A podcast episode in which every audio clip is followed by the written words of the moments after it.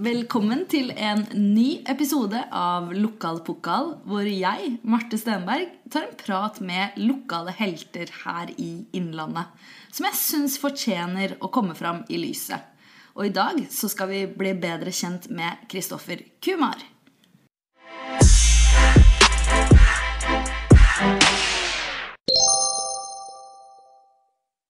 Ukens episode av Lokal pokal er sponset av Hvil vingene dagspa. Unn deg sjøl et velfortjent pusterom i hverdagen. Tusen takk for at du ville komme, Kumar. Det er veldig veldig stas å være her. Jeg har uh, hørt masse på podkasten, og så er jeg jo ofte sånn at jeg jobber med andre folk som uh, er i podkast, og syns jo derfor det er litt sånn uh, uvant og skummelt å gjøre det sjøl. Men så tenker jeg at det er gøy å prøve. Ja, det syns jeg er en ære, da, at du, du vil prøve her i Lokal pokal. du er videojournalist for VGTV der du har jobba med mange store prosjekter som Ikke lov å le på hytta, Gi meg alle detaljene og ikke minst Tinder-svindleren, for å nevne noe. Og jeg husker jo deg allerede fra videregående som en fyr som gikk rundt og filma. Eh, og da lagde du masse skateboardfilmer.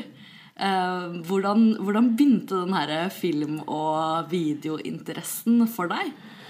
Jeg starta jo på en barneskole hvor alle enten drev med liksom hockey eller fotball og hadde masse gode venner og sånn, men det var liksom også en sånn jakt i å liksom finne plassen sin eller finne ut hvem man er. Og jeg var jo selvfølgelig superdårlig i alt av de sportstingene. Hadde aldri noe sånn eh, det hjemmefra, liksom. Så Derfor så var det et sånn slags eureka-øyeblikk i sjette klasse når eh, en del av vennene mine skata, og jeg liksom ble en del av en gjeng som hørte på rapp, og som eh, så på skatefilmer og sånn. Men jeg var jo selvfølgelig aldri noe særlig sånn talent på skateboard heller, så jeg begynte å filme. Og ble etter hvert ganske god på det fordi liksom kulturen med skating handla liksom om å gjøre de beste triksene og så dokumentere det og vise det fram til andre. Og da, med den vennegjengen som eh, fortsatt er veldig nære venner i dag, og med kamera, så begynte jeg liksom å gjøre det mer og mer. Bli kjent med de som skata i hele Hamar. Og så begynte jeg å reise rundt og filme skatekonkurranser i hele Norge. Og reiste liksom etter hvert rundt med de beste i landet for å finne de beste stedene rundt i verden og filme skating på. det. Og det ble et slags sånn levebrød eh, i tidlig 20-åra. Ja, ikke sant? Så, og liksom, du var veldig ung da du begynte med det her. Og du, og du må jo ha hatt liksom en eller annen teft for, for det filmtekniske, eller altså, lå det veldig eh, enkelt til for deg? Nei, Jeg tror det har mer med liksom mengdetrening å gjøre. At det har vært jævlig mange timer fordi jeg holdt på med det siden jeg var tolv år eh, gammel. Og så Jeg merker jo egentlig nå, da, at eh, nå for eh, et år siden og et og et halvt år siden så lagde Benjamin Ree, som jeg jobber veldig mye med på VG, en eh, film som heter 'Kunstneren og tyven'. Det er en dokumentarfilm som handler om en, eh, altså to bilder som blir stjålet i Oslo. Tyven fanges på overvåkningskamera og må møte i retten, men han sier at han ikke husker hvor bildene er, og de er søkk vekk. Og så i rettssalen så går kunstneren bort til tyven og spør hvorfor tok du bildene, og han sier jeg tok de fordi de var vakre. Og da spør hun om hun kan få lov til å male han for at hun har lyst til å bli bedre kjent med han. Men i dette vennskapet som utvikler seg, så er det da på en måte eh, litt sånn usikkerhet fortsatt, fordi man blir usikker på snakker han sant når han sier bildene, at han ikke vet hvor de bildene er. Og der er det en scene hvor uh, Bertil uh, i filmen ser seg selv malt for første gang og bryter sammen. Og bare begynner å, gråte og hulke fordi det er så sterkt å se seg selv malt. Eh, fordi han tenker at hun som har malt han, ser han på en fantastisk måte og som et sterkt menneske. Og det er jo en litt sånn rar scene å fange på film, fordi det skjer rett foran deg, og det er så mye sterke følelser der. Men jeg tror jo veldig mye av det jeg gjør der med kamera, med, i å bevege seg rundt eh, de folka jeg filmer. Eh, skjønne hvor, når jeg skal stå på avstand, hvor langt unna jeg skal stå, når det er trygt å gå tettere. Og den dansen på en måte rundt de folka jeg filmer når jeg lager dokumentarfilm, kommer fra skatefilming. Fordi eh, skatefilming handler om å på en måte komme i ett i en slags dans med den man filmer. Hvor man er tett på, langt unna og skjønner psyken til de som skater. Så jeg tror de der 10 000 timene med liksom mengdetrening i å henge tett på folk, skjønne hva de vil, eh, om de er slitne eller om de er gira på å prøve mer, hva som skal til for at de skal prøve trikset, og hvor jeg skal bevege meg, på en måte er eh, trening som jeg nå bruker når jeg filmer dokumentar. Da, og som på en måte som er et sånt verktøy som er superbra å ha med seg. Da. Ja, og når man filmer dokumentar, så er det jo heller liksom ikke akkurat en mulighet for å si sånn Stopp! Vi tar det der igjen. Jeg fikk ikke, fikk ikke bildet jeg skulle ha. Jeg. Nei, det er akkurat det. Man har bare én sjanse. For det, dette skjer nå foran meg, ja. og det er det umulig å ikke dekke på en bra måte. Ja. Og da er det på en måte de der skateteamene som gjør det. Og det er jo det samme med skating som den scenen. At dette trikset har man prøvd på i tre timer. Og den gangen det sitter, så må det være perfekt dokumentert. Og sånn var også den scenen. Ah, så kult. Men husker du liksom at du, du, drømte om å på en måte leve av eh, film og video eh, da du var fra, fra, du var helt ung, eller?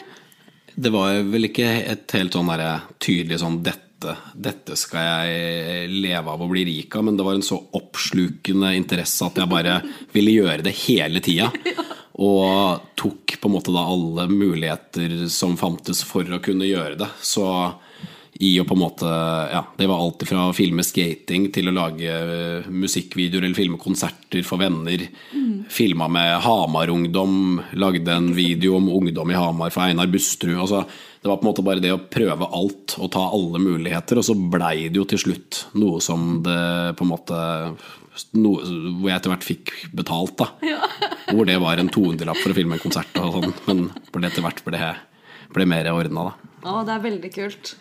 Um, nå har du jo jobba mange år i VGTV uh, og vært med på å skape noe av de største underholdning- og dokumentarprosjektene uh, um, som VGTV har holdt på med.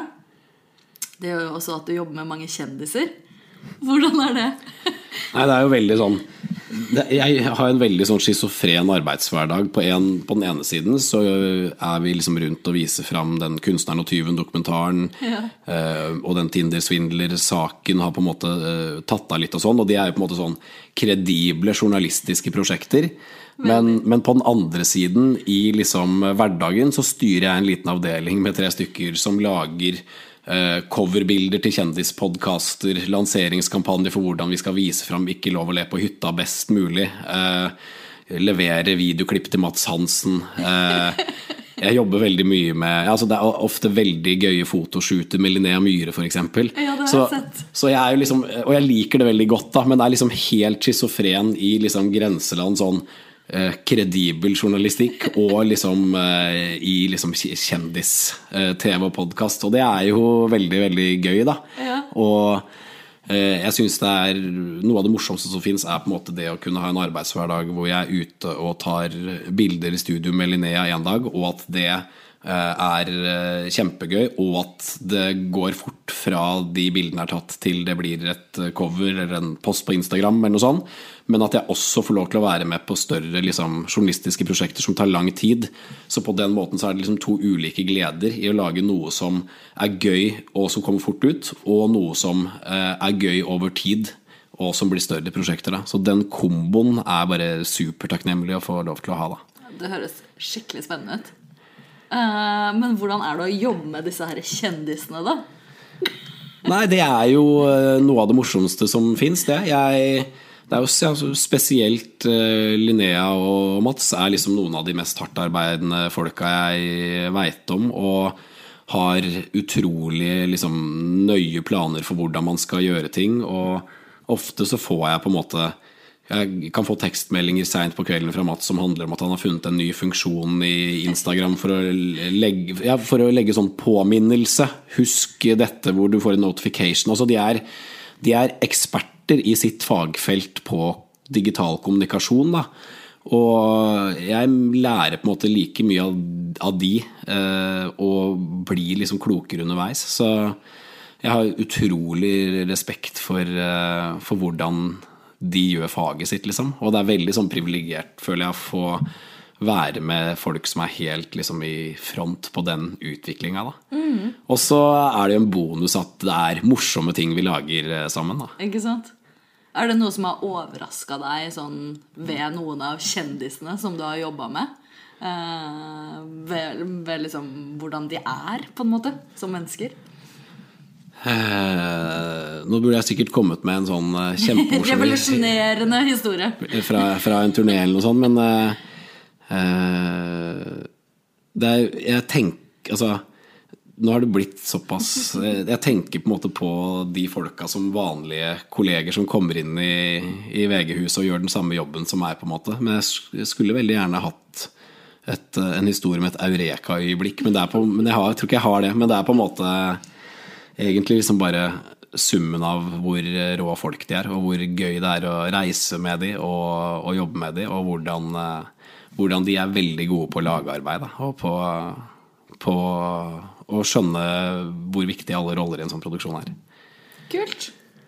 Uh, vi skal snakke litt mer om Tinder-svindleren og opptreden hos Dr. Phil. Men først så kjører vi gjennom noen faste spørsmål. Spørsmål 1. Hva er din favorittspot eller plass her i regionen? Nei, det er jo mange. Jeg er jo mer på Hamar nå enn noen gang, føler jeg. Og det er jo liksom i komboen av at uh, jeg har familie her som jeg er veldig nære, men også en kompisgjeng som jeg egentlig ser mer enn noen gang. Så jeg kan ofte på en måte dra hit da både for å henge med familie, men også dra på byen med gutta.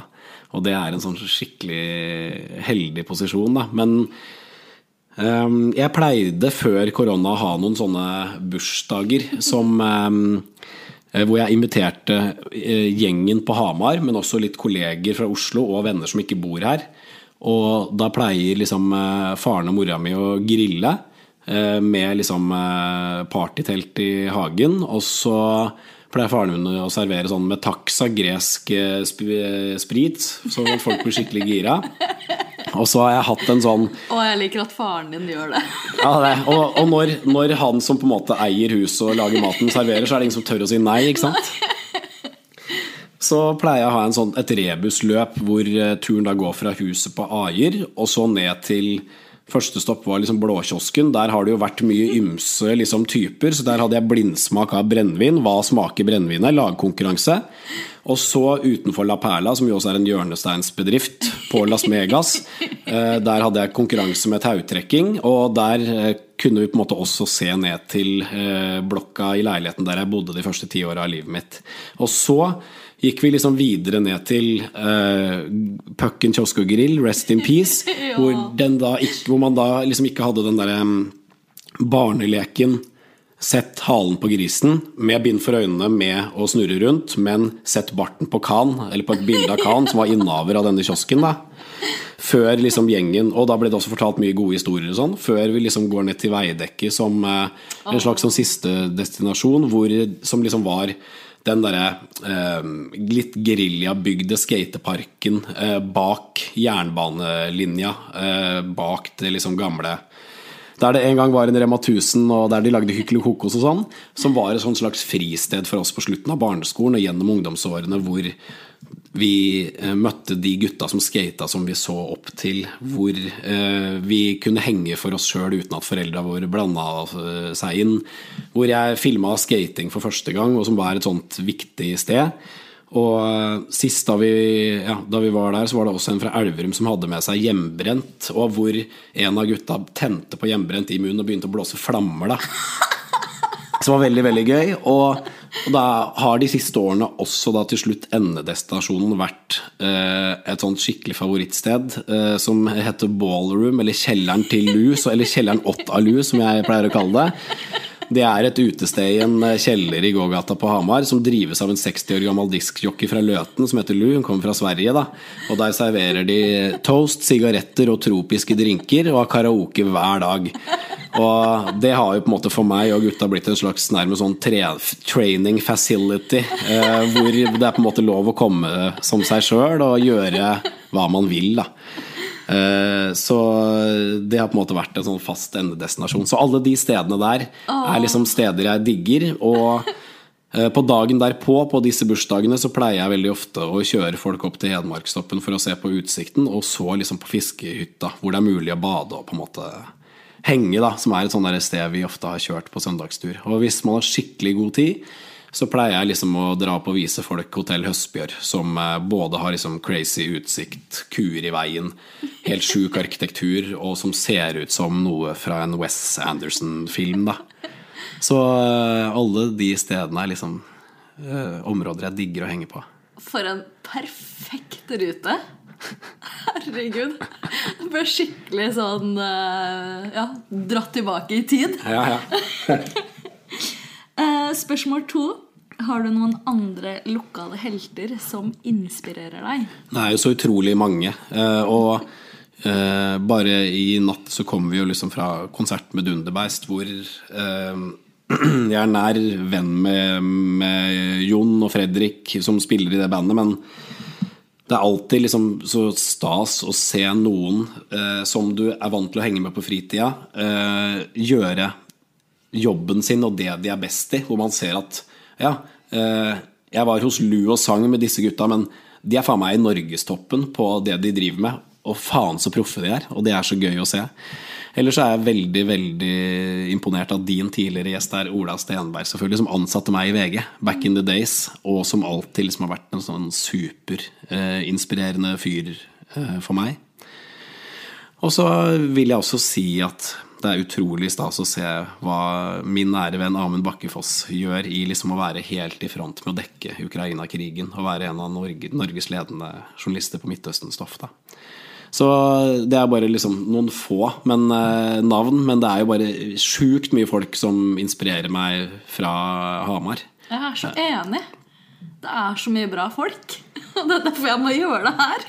Og så er det selvfølgelig sånn Én ting er på en måte altså, en ting er at folk som gjør noe som andre ser utad, eh, på en måte er Eh, inspirerende. Men jeg blir jo også like inspirert av å se eh, det kompisgjengen min gjør og presterer, og hvordan de både på en måte har liv jeg blir inspirert av privat, og hva de jobber med. Så det er på en måte en sånn blanding, da. Mm.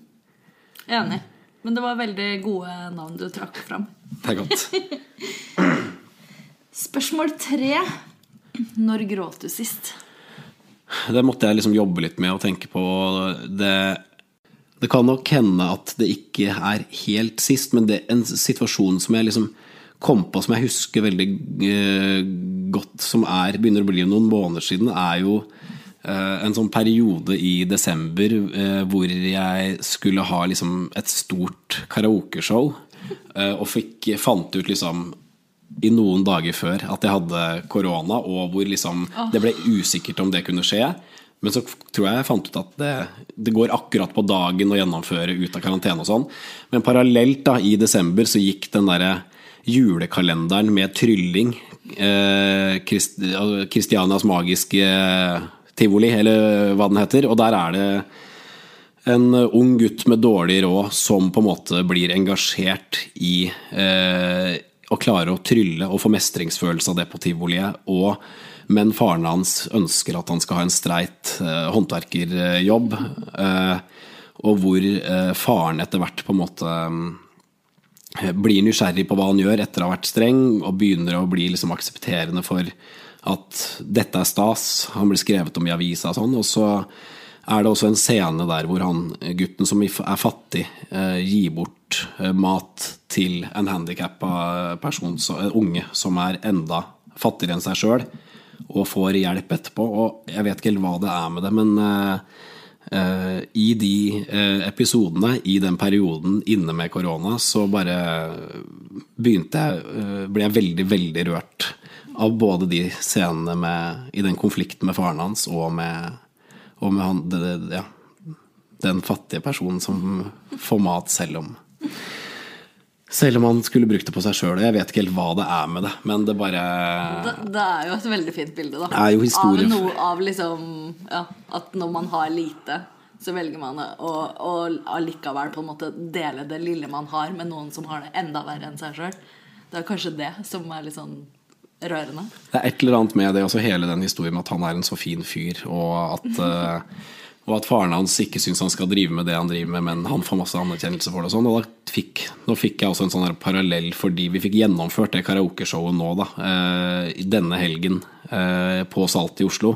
Og da kom faren min med en kompis for å se på, og da tenkte jeg også på det. At det er så jævlig stas når de som er nærmest, eh, ser eh, noe man gjør som de ikke egentlig har et innblikk i eller kunnskap om, og anerkjenner det. det er, og det er liksom en så fin ting, da. Er du, er du da en sånn fyr som blir ofte rørt, eller? Ja, det vil jeg si. Jeg, blir, jeg er også, i likhet med mange av dine tidligere gjester, ganske lettrørt. Da. Ja. Hva er det du liksom typisk gråter av? Er det film, for eksempel? Eller? Eh, ja, det kan, ja, det er veld, ja, veldig sånn Ja, det kan være sånne ting, da. Og sånn som den julekalenderen der, eller bare det å ja, nærmest bare det å ha hatt en veldig eh, bra kveld ute med gutta, eller det å vite at man eh, i en eller annen situasjon som viser at eh, man har nære venner som er til stede, f.eks., eller mm. kan være veldig rørende, da. Enig. Kumar, er så imponert og inspirert over alt du er med på og får til. Uh, og i tillegg til den helt åpenbare passion som du har for film og video, så lager du jo gøye fester, som du er inne på, med, med Kumars eh, karaokeshow. Uh, og du, du, lager alltid mye gøy rundt deg og er veldig inkluderende. Uh, og det syns jeg er skikkelig viktig. Så tusen takk for det. Det var veldig fine ord. Takk. Det der karaokeshowet er jo liksom en eh, Jeg fant jo eh, Visste jo ikke om at det fantes. Fant karaoke på et julebord med den Hagle og Konjakk-gjengen fra Hamar, som hadde bandet Hagle og Konjakk, hvor de på høylytt vis diskuterte om eh, Tore Halvorsen, vokalisten i Ole Ivars, litt nonchalant som en litt full Sinatra eller en sånn 90-tallsrapper lå bakpå beaten. Eller sånn som Onkel P gjør, at de på en måte er sjefen til beaten fordi de er så jævlig gode at de kan ligge hvor i beaten de vil. De følger ikke beaten slavisk. Og vi mente at Tore Halvorsen også hadde disse kvalitetene. Og så ble det en stor diskusjon, og så var det noen som googla liksom, karaoke 1881, og da fant vi liksom en karaokebar. Hadde aldri vært på det før.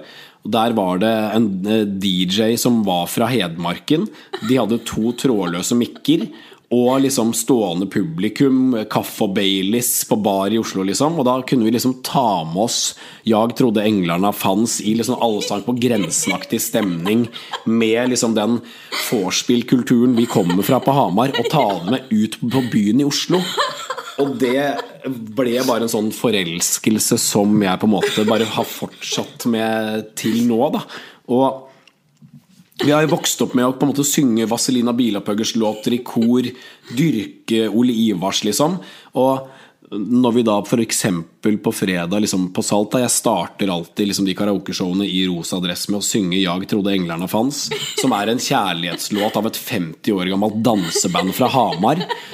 Og når jeg på en måte føler at jeg klarer å lure 300 hipstere i Oslo til å synge dansebandlåter fra Hamar, da ler jeg bare så jævlig godt og tenker I fucking made it! Vi fikk, vi fikk det til denne gangen også, liksom. da For da, for da drar, klarer jeg på et eller annet vis å liksom ta med alle, uavhengig av hvem de er og hvilken bakgrunn de har, på på en måte vår oppvekst og vår bakgrunn, føler jeg. Og det er så gøy, da. Åh, jeg gleder meg til jeg skal være med på Kumars karaokeshow. Dette blir bra.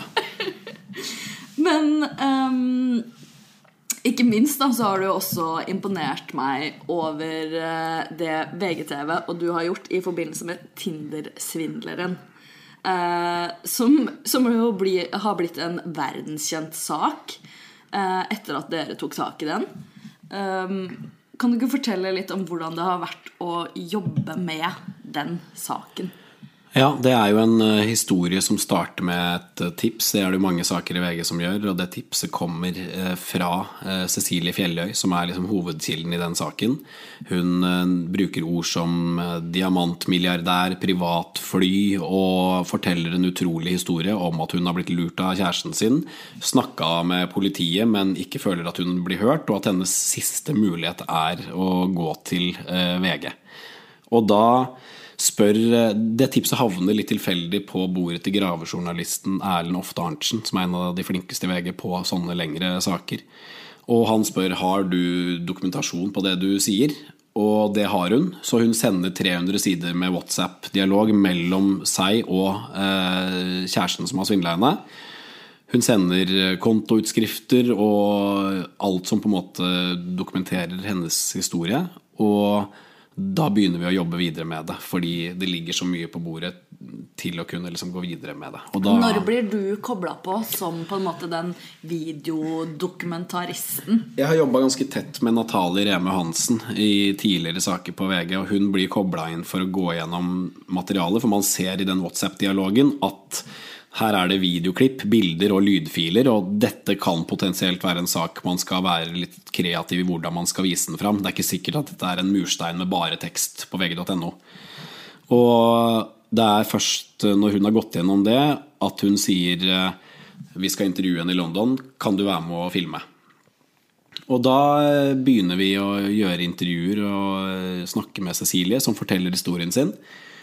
Og hun det hun forteller, det matcher 100% med de dialogene vi har lest på WhatsApp, situasjonene vi kjenner til som vi har sett bilder av. Hun er en utrolig god forteller og ønsker å fortelle historien sin fordi hennes mål er at andre ikke skal bli lurt på samme måte som hun har blitt, og for at hans liksom, ansikt skal komme ut. Så da begynner på en måte den jakten på hvordan vi kan fortelle historien. Og det kommer opp en del spørsmål underveis. Hvem er han? Og uh, fins det et mønster fra tidligere? Fins det tidligere ofre? Og som bl.a. fører oss til en, uh, altså ut på en reise til Israel, til Tel Aviv. En, en liten by utenfor Tel Aviv som heter Bneibrak, hvor han kommer fra. Hvor vi ønsker å finne ut er han, Har han tidligere liksom, historikk med svindel. Eh, kanskje han er der, hvis vi banker på døra, liksom. Eh, og hvor vi snakker med politiet og advokaten hans. Eh, barndoms... Eh, ja, han har kjent i liksom, oppvekst. Og hvor vi finner ut at Simon Levaev, svindleren, er den vi tror han er. Og det er han fyren som politiet snakker om der, er den samme som har lurt Cecilie han har eh, stikket av fra landet tidligere for å unngå møte i rettssak. Og eh, politiet sier faktisk også at uh, diamantfirmaet LLD Diamond, som han sier han er sønn og arving av, også har politianmeldt han for å ta navnet deres. da. Så vi finner ut masse på den turen, og vi banker jo på døra der han bor. Vi har fått hjelp av en israelsk gravjournalist til å finne fram dit. og Moren sier også at hun ikke vet eh, hvor han er, og at det er lenge siden de har snakka sammen. Så um, da reiser vi jo tilbake til Norge, til researchen vår. Vi finner ut masse om han, men vi finner jo ikke han. Um, og da går vi tilbake i dokumentasjonen hvor Erlend uh, begynner å gå gjennom banktransaksjonene til uh, Cecilie, og hvor han finner ut via American Express kontoutskrifter at Simon Levaev, svindleren, har eh, brukt Cecilies bankkort og penger for å kjøpe flybilletter til andre damer. Og man finner da navnene til de som har flydd på de billettene i bankutskriftene. Så Erlend kontakter Pernilla Sjøholm fra Stockholm. Og hun blir jo selvfølgelig helt sjokkert når hun finner ut at han som hun anså som sin beste venn, er svindler, og at hun også er svindla. Og Erlend møter da henne i Stockholm, og etter en lang prat så sier hun da at eh, Jeg har én interessant detalj til deg. Jeg veit hvor han kommer til å være i morgen, for jeg skal møte han i München. Og da spør Erlend uh, hvordan hadde det vært hvis vi var på avstand og blei med. Og da sier hun at jeg hadde vært jeg er tryggere hvis dere er i byen enn om dere ikke er med. Og da reiste vi ned en gjeng til uh, München på morgenen Og da dagen er det etter. sånn liksom, når dere får den beskjeden, da, det er, da, er jeg, da er det liksom bare sånn Da går det pang, pang. nei, da er jeg i et karaokerom på Syng, faktisk. Det er liksom fredag klokka 11 på kvelden. Eh, og alle, Natalie er på vei til Hemsedal eh, på skitur med jobben, liksom. Men eh, den bilen til Hemsedal snur halvveis, og jeg er innom VG for å pakke utstyr og sånn. Og grytidlig på morgenen da, så reiser vi til München eh, sammen med en, eh, en av VGs beste liksom, stillsfotografer i å ta bilder av eh, skurker på avstand. Da. Og eh, jobber rundt i München hele dagen med mål om å Altså, vi hadde jo sett masse bilder av Simon Levaev og fått bilder og videoer av han av Cecilie, men det var veldig viktig for den saken å kunne samle egen dokumentasjon av han, og egentlig også bare se åssen er han i virkeligheten. Er inntrykket fra den WhatsApp-chatten med henne og bildene det samme som vi opplever hvis vi ser han? Og da er vi til slutt Vi er rundt og jobber i München hele dagen. Vi følger sporene til eh, Pernilla. Um, altså Vi bruker en app som heter Finn vennene mine, eller Hvor er, på iPhone. Sånn at eh, vi vet hvor hun er i byen, og vi er liksom rundt i drosjer eller liksom i nærheten, men aldri liksom uh, tett på, da.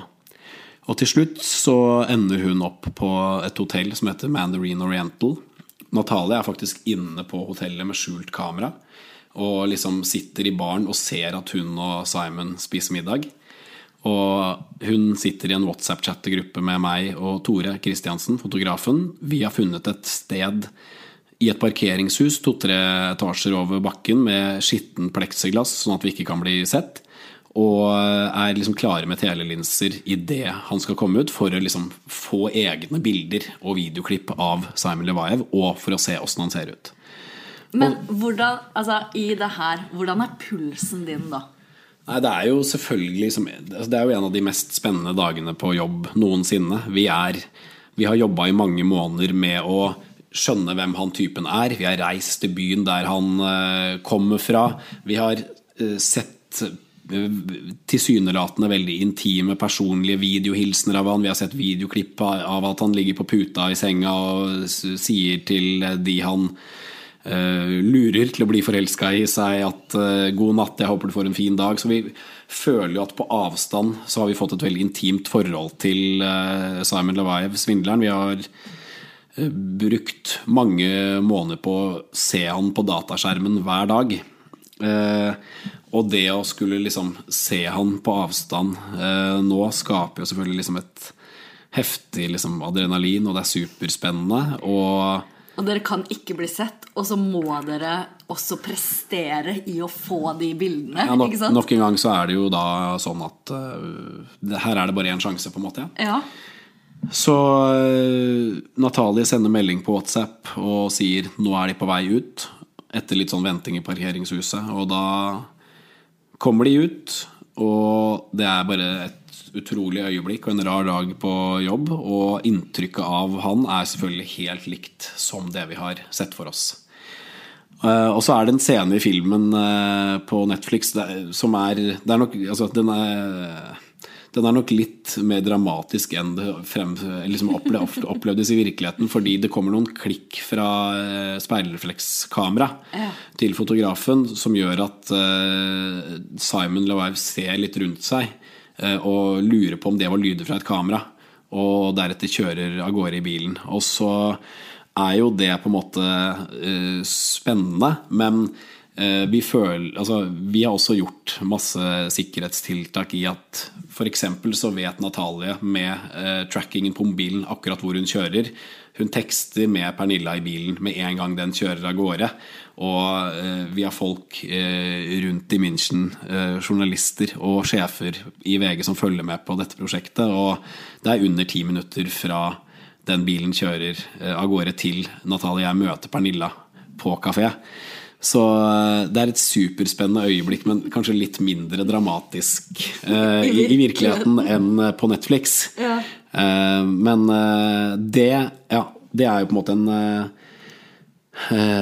hendelse som gjør altså, Det at vi fanger dokumentasjon av han, gjør også at vi går et steg lenger i å begynne å kontakte han og si vi lager en sak om deg.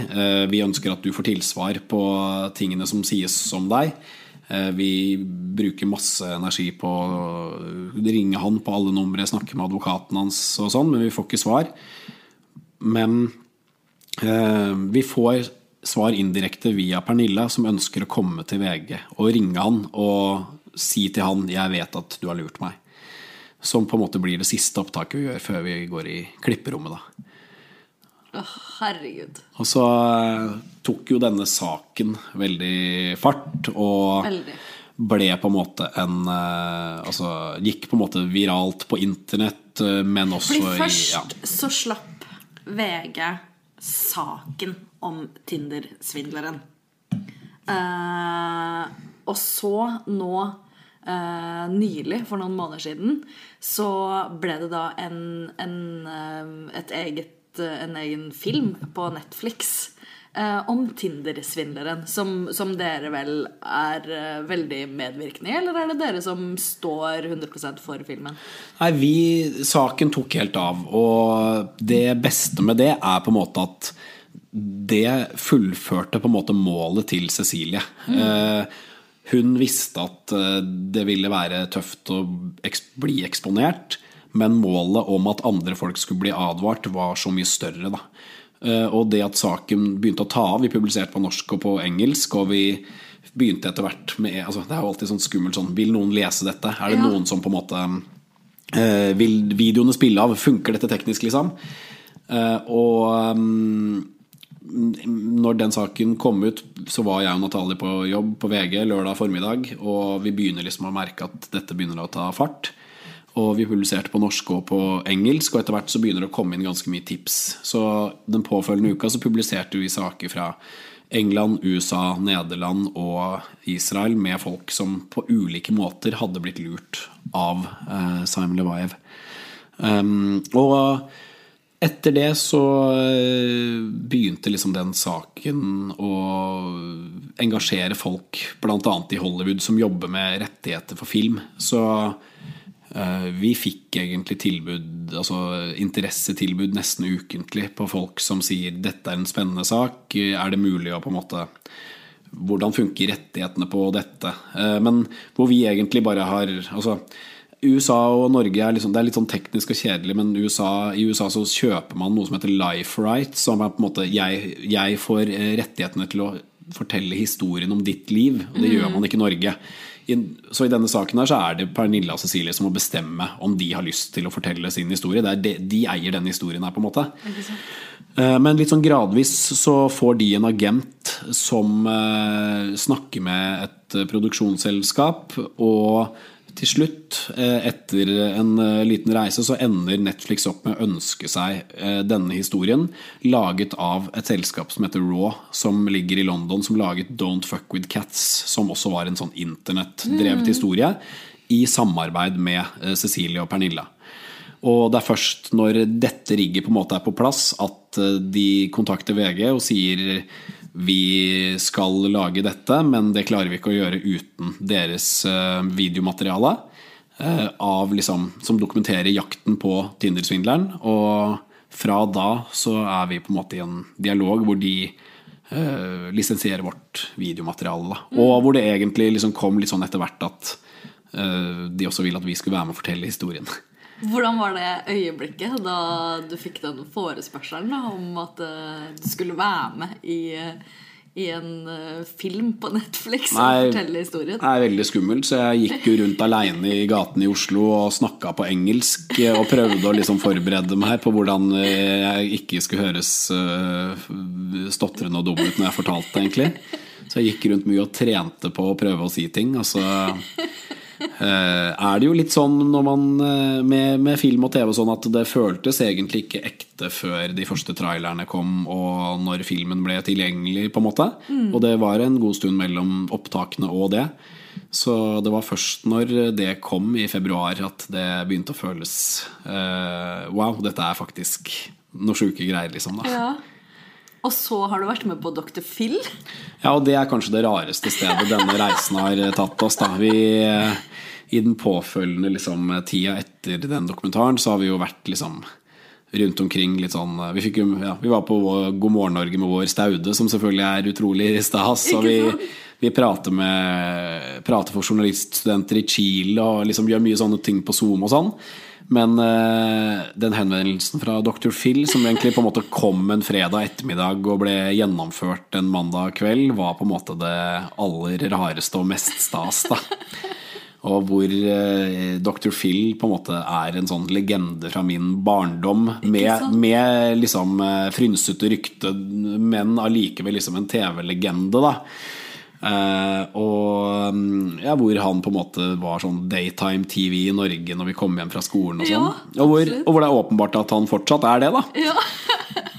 Og hvor eh, vi sitter på Zoom på VG, og damene er flydd til LA. Og hvor egentlig det var imponerende at de gjør en times TV-innspilling hvor de prater om denne saken. Uh, I en sånn tid hvor man f.eks. gjør portrettintervjuer med folk som har utrolige historier på Lindebo. eh, Hvor du får åtte minutter til å fortelle om hele livet ditt.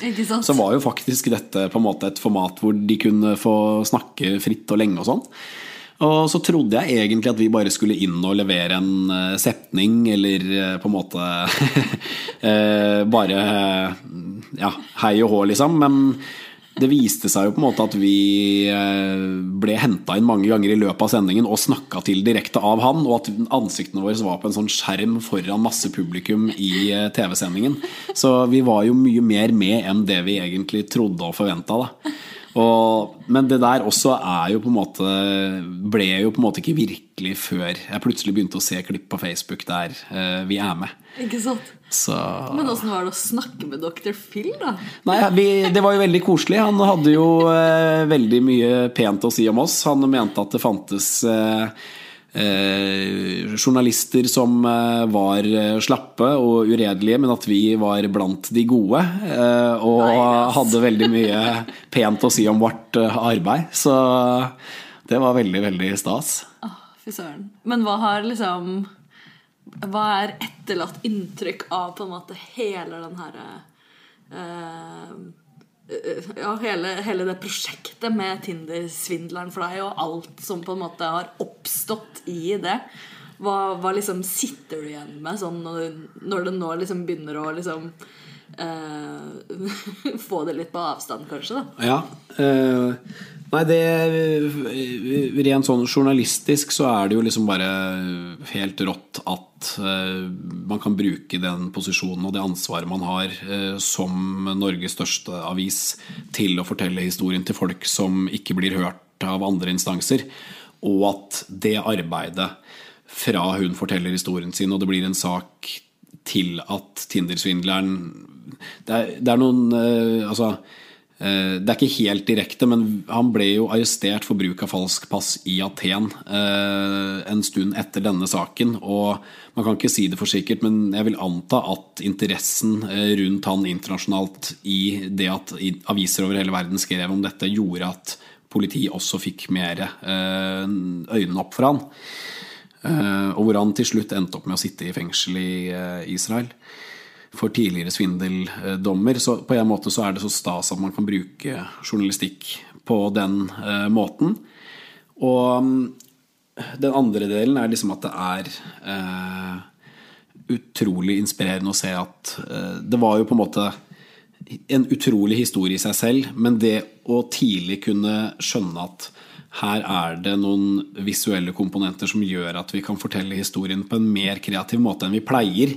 Og det å sette seg en ambisjon om at dette skal bli en eh, nærmest sånn dokumentarfilmaktig opplevelse å lese, men i en sak på vg.no, det har også på en måte gitt meg skikkelig inspirasjon nå om at tenk om vi kunne gjort dette litt annerledes, eller prøvd dette på en litt annen måte, eller hva hvis vi hadde snudd på det og tenkt annerledes i hvordan vi lager denne videoen eller denne saken, så har på en måte den, eh, Tindersvindler-saken vist at eh, det er mulig, og at det kan få veldig kule resultater hvis man, eh, hvis man setter liksom ekstra høye ambisjoner og tenker nytt. Da. Og så er det sånn at jeg tror kanskje aldri at vi kommer til å være involvert i en sak som får den farten den saken her hadde en gang til. Eh, Jeg tror kanskje en del av de tingene vi har gjort nå det siste halvåret, og gjennom produksjonen av saken, bare skjer en gang i livet. Og jeg prøver på en måte å ta med meg det. da Og det er ikke sånn at alle eh, saker skal fortelles med masse videoklipp og musikk og, og ting som skjer. Men eh, noen ganger så får man på en måte innhold hvor alt treffer, da. Eh, materialet er bra, dokumentasjonen er bra. Eh, hun som forteller, er en helt sjukt dyktig forteller. Eh, det, ja, det fins videoer av eh, svindleren fra gammelt av og fra nytt. Altså, her var det veldig mange ting som klaffa. Og det å på en måte klare å identifisere hvilke elementer som må til for å fortelle en veldig god historie, er en sånn veldig nyttig lærdom herfra. da. Gratulerer med bare helt eh, ja, fantastisk jobb. Det er veldig stas. Eh, litt sånn avslutningsvis, har du noen drømmer for framtida?